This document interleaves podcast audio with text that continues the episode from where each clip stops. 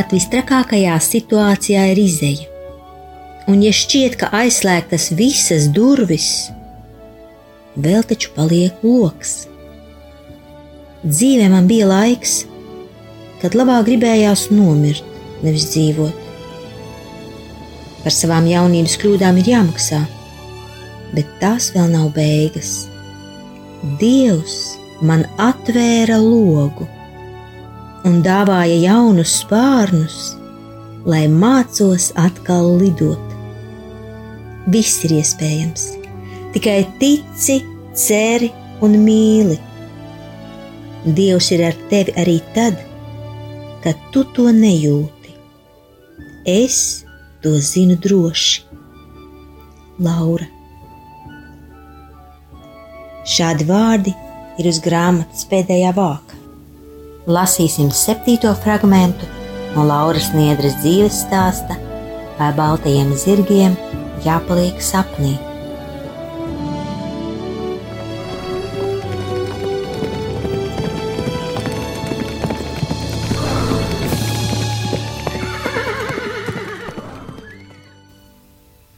Laura ir uzaicināta uz kristīgo bērnu nometni. Viņa jau pērn palīdzēja šo nometni organizēt, taču šoreiz meitene ir domīga. Ko viņa darīs ar visu savu lielo punci bērnu nometnē un tik tālu no Rīgas? Beidzot, viņa tomēr piekrīt piedalīties kā novērotāja, ne kā skolotāja. Kaut kur taču jāizkustas. Dzemdības gan paredzētas pēc mēneša, bet Laurai nedaudz bail, ka tas varētu notikt nometnē kādā teltī.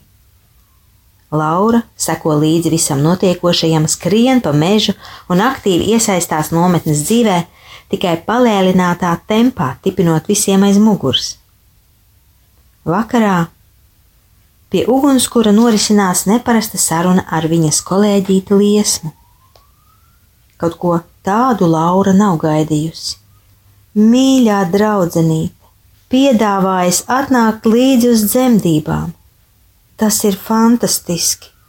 Tādu atbalstu Laura pat sapņos nevarētu izsapņot.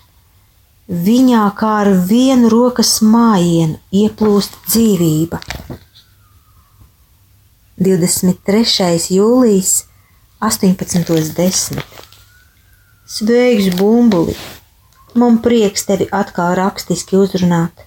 Beidzot man ir radies spēks un vēlēšanās pakustināt pildspalvu.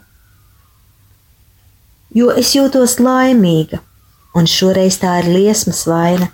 Sen neesmu tik labi jutusies. Vai zini, kāpēc? Tāpēc, ka liesma grib būt klāt tavā piedzimšanas brīdī. Viņa grib būt ar mums. Tas ir neticami. Tas ir tik jauki Nezinu, raudāt vai smieties no šīs brīnumainās sajūtas. Es it kā cerēju, ka tētis paspēs atgriezties no Krievijas līdz tavai piedzimšanai, bet tagad maz ticams. Tāpēc liesma bija kā dieva sūtīts atbalsts, kārtējo reizi kā dzīvības avots. Tāpēc priecājies, ka tava mamma jūtas laimīga. Ceru, ka tu arī tā jūties. Pietiek skumt, Es jau esmu tik daudz skumusi. Piedod, ja šīs skumjas ietekmēs tevi, un ja tu dzīvē būsi pārāk kluss, raudulīgs, nopietns vai pārāk melanholisks. Es negribēju tev darīt pāri, tikai visu laiku jutos tik vientuļa. Mana mamma un tētis nu jau bieži sauc tevi par mazbērniņu. Mamma šui tev krekliņus, es adu zeķītes, bet zini, viss ir rozīgos toņos, un ja nu tu tomēr izrādīsies puika, nu jau Lauras vēders ir jauki apaļš. Meitene iet kā cēls balts burkuģis. Viņa jūtas laimīga par savu mazuli. Protams, staigāt vienai un bez gradzena nav visai patīkami. Dažreiz gadās dzirdēt arī nievājošas piezīmes no apkārtnes pareizajām tantiņām. Ārprāts! Tagad pat mazgadīgie sākuši dzemdēt! Pēc tādām piezīmēm Laura tikai nosmaida. Varbūt viņa arī izskatās stipri jaunāka par saviem gadiem. bet lai jau tantiņas paliek pie savas taisnības.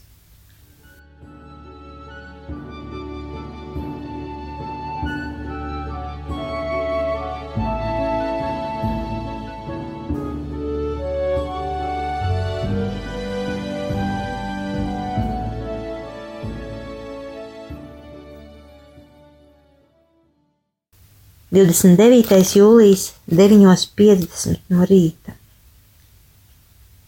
Zini, es arvien vairāk apzinos, ka dzemdības tuvojas. Kā tu domā, kā es jūtos? Atklāti sakot, paliek nedaudz bailīgi, bet ne jau no sāpēm. Es baidos, ka nezināšu, kurā brīdī jāsauc ātrie, ka liesma tajā brīdī nebūs brīva un tā tālāk. Par pašām dzemdībām es esmu pārliecināta, tās noritēs lieliski. Es zinu, ka tev nekas slikts nenotiks, un arī man. Es nevis ticu tam, bet vienkārši zinu. Nesaprotu, no kurienes man tāda pārliecība. Varbūt tāpēc, ka Dievs mani visu laiku tik ļoti sargājis, un kāpēc lai tas nenotiktu arī tavā dzimšanas brīdī? 31. jūlijas 19.25. Zini, mīļum, Beidzot, es sāku justies kā īsts lācis. Es staigāju kā pīle, varbūt kā zos vai pingvīns, nezinu, kas vēl ir resnāks un neveiklāks. Labi, ka tikai pēdējā mēnesī tādas problēmas sākas. Ir jau vēl arī citas, reizēm vājums, nogurums, miegainība, visi locekļi sāp, kājas rauj krampi, bet vispār tas ir diezgan viegli panesams. Vai zini, kas ir pats jocīgākais? Es sāku ilgoties pēc īstām sāpēm, pēc dzemdību sāpēm. Dīvaini, bet tā tas ir. 7. augusts, 17.20. Mīļo meitiņu! Vispār jau nezinu, vai drīksta tevi tā uzrunāt, bet vakar ultrasonogrāfijā ārste bija ļoti pārliecināta, ka tu esot meitenīte. Paklau, varbūt vēl sagaidīsim tēti no Krievijas. Vai varbūt tev tik ļoti ir apnicis manā vēdrā? Gribas saulītē? Nu, paudzies vēl kādu nedēļu vai divas lūdzu. Būsi stiprāka, sparīgāka. Kā tu skaties uz to, ka tu būtu Elīza? Man pēdējā laikā ļoti iepaticies šis vārdiņš. Zini, ebrejiski šis vārds Elīsā nozīmē Dievs ir glābiņš. Un tā jau arī ir, vai ne? 14. augusts, 17.50. Mīļā, piedod, bet tu esi kļuvusi ļoti resna. Vai tad nu meitenei tā piedien? Es tevis dēļ iesprūdu autobusā starp sēdekļiem. Nu, ļoti smieklīgi, vai ne? Iekšā tiku, apsēdos, tevi gan rusciņi saspiedu, un visu ceļu domāju, kā es tikšu ārā. Smieklīga problēma, bet aktuāla. Ja tu tā turpināsi, es tevi saukšu par mazo bulciņu. Tā kā skaties! 18. augusts 16.00. Nu, gan paliek interesanti dzīvot. Tev tūlīt jāpiedzimst, un tētim Tūlīt jāatgriežas no Krievijas. Kurš kuru apsteigs? Tētis būšot 20. augustā. Tiešām interesanti. 19. augusts 18.05. Vai tu dzirdi, kad es dziedu? Gudri ļaudis jau apgalvo, ka bērns dzirdot mātes vēderā. Zini, es vakar mācījos ļoti jauku šūpuļdziesmiņu, Nevaru vien sagaidīt, kad varēšu tevi ar to midzināt. Tev patiks par Jēzu, par eņģelīšiem, par to, ka Dievs pasargā no visa ļaunā un mierina noskumušos. Mūsu Dievs visu šo laiku ir ļoti, ļoti sargājis. Mūžīga pateicība viņam par to.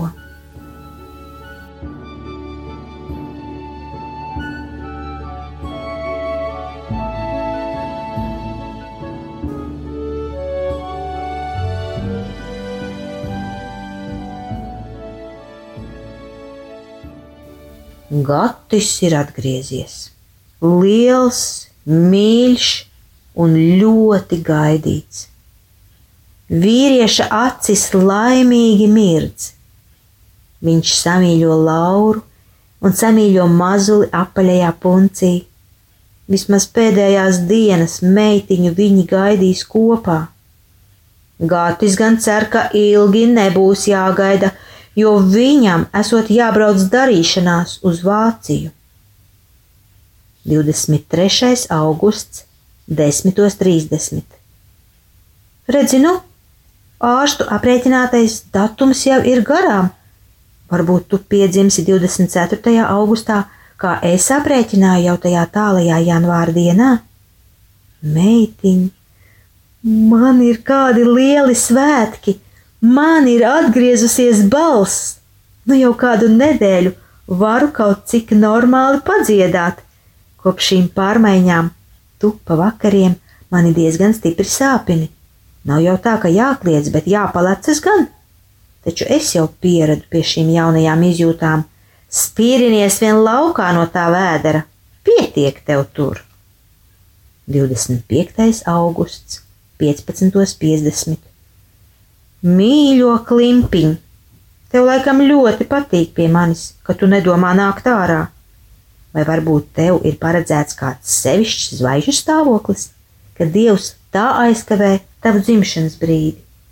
Vai varbūt tu gribi sagaidīt, kad tētis aizbrauks uz Vāciju? Vai arī tu tiešām gribi piedzimt savā vārda dienā, 2. septembrī? Es šodien biju pie ārsta. Viņš pataustīja mūs abas un teica, ka tava galviņa vēl staigājot ļoti brīvi, tā ka es varot tevi nēstāt vēl kādu nedēļu vismaz. Bet pēc nedēļas taču ir 2. septembris. Tiešām joki. Nu, dzīvojies vien, ja tev patīk. Ko lai ar tevi dara? Gatim gaidīt vairs nav laika. Kur tā meitiņa kavējas? Viņš kļūst nepacietīgs. Varbūt mēs vēl varam paspēt salauzties? tad nebūs ķēpa ar dokumentu kārtošanu. Viņi abi dodas pie adventistu sludinātāja. Tas gan negrib tik steidzami laulāt, bet beigās tomēr piekrīt. Tikai vajagot sadabūt divus lieciniekus. Viņi sarunā uz 27. augustu, ja vēl nebūs sākušās dzemdības. Ir pienācis 27. augusts, meitiņa tiešām nesteidzas piedzimt, laikam ļaus vecākiem mierīgi salauzties. Viņi ir mazs pulciņš, sludinātājs, divi liecinieki un jaunais pāris. Gatis pat nav iedomājies Laurai nopirkt ziedus. Protams, arī skaistas kleitas viņai nav. Ir izkūpējis meitenes sapnis par braucienu karietē ar baltiem zirgiem, par skaistu kleitu, par maziem bērniņiem tautas tērpos, kas kaisītu viņiem ziedus, Tas bijis tikai tāds nereāls sapnītis. Labi, ka liecinieki ir iedomājušies sagādāt ziedu pušķi, tā Laura sajūtas vismaz nedaudz svinīgi. Izpaliek arī pierastais svinīgais solījums, uz kuru jaunajam pārim parasti ir jāatbild ar neskaitāmiem jā. Sludinātājs tikai aizpilda laulības apliecību un nolūdz vienu lūgšanu. Tagad Laura un Gatis ir vīrs un sieva. Gatis nopērk torti, un viņi dodas pie Lauras vecākiem atzīmēt šo notikumu. Viesu nav, nav nekā. Lauras sirdī nav gaviļu, ir tikai pienākumas sajūta.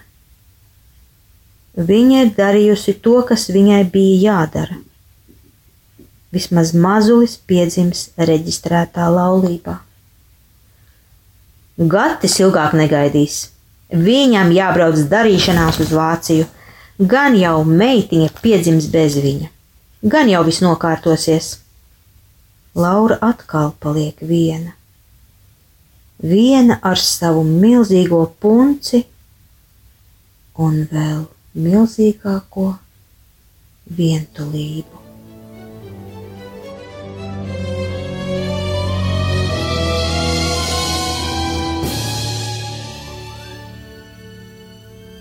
Tas bija septītais fragments no Lauras Niedras dzīves stāsta, vai baltajiem zirgiem jāpaliek sapnī.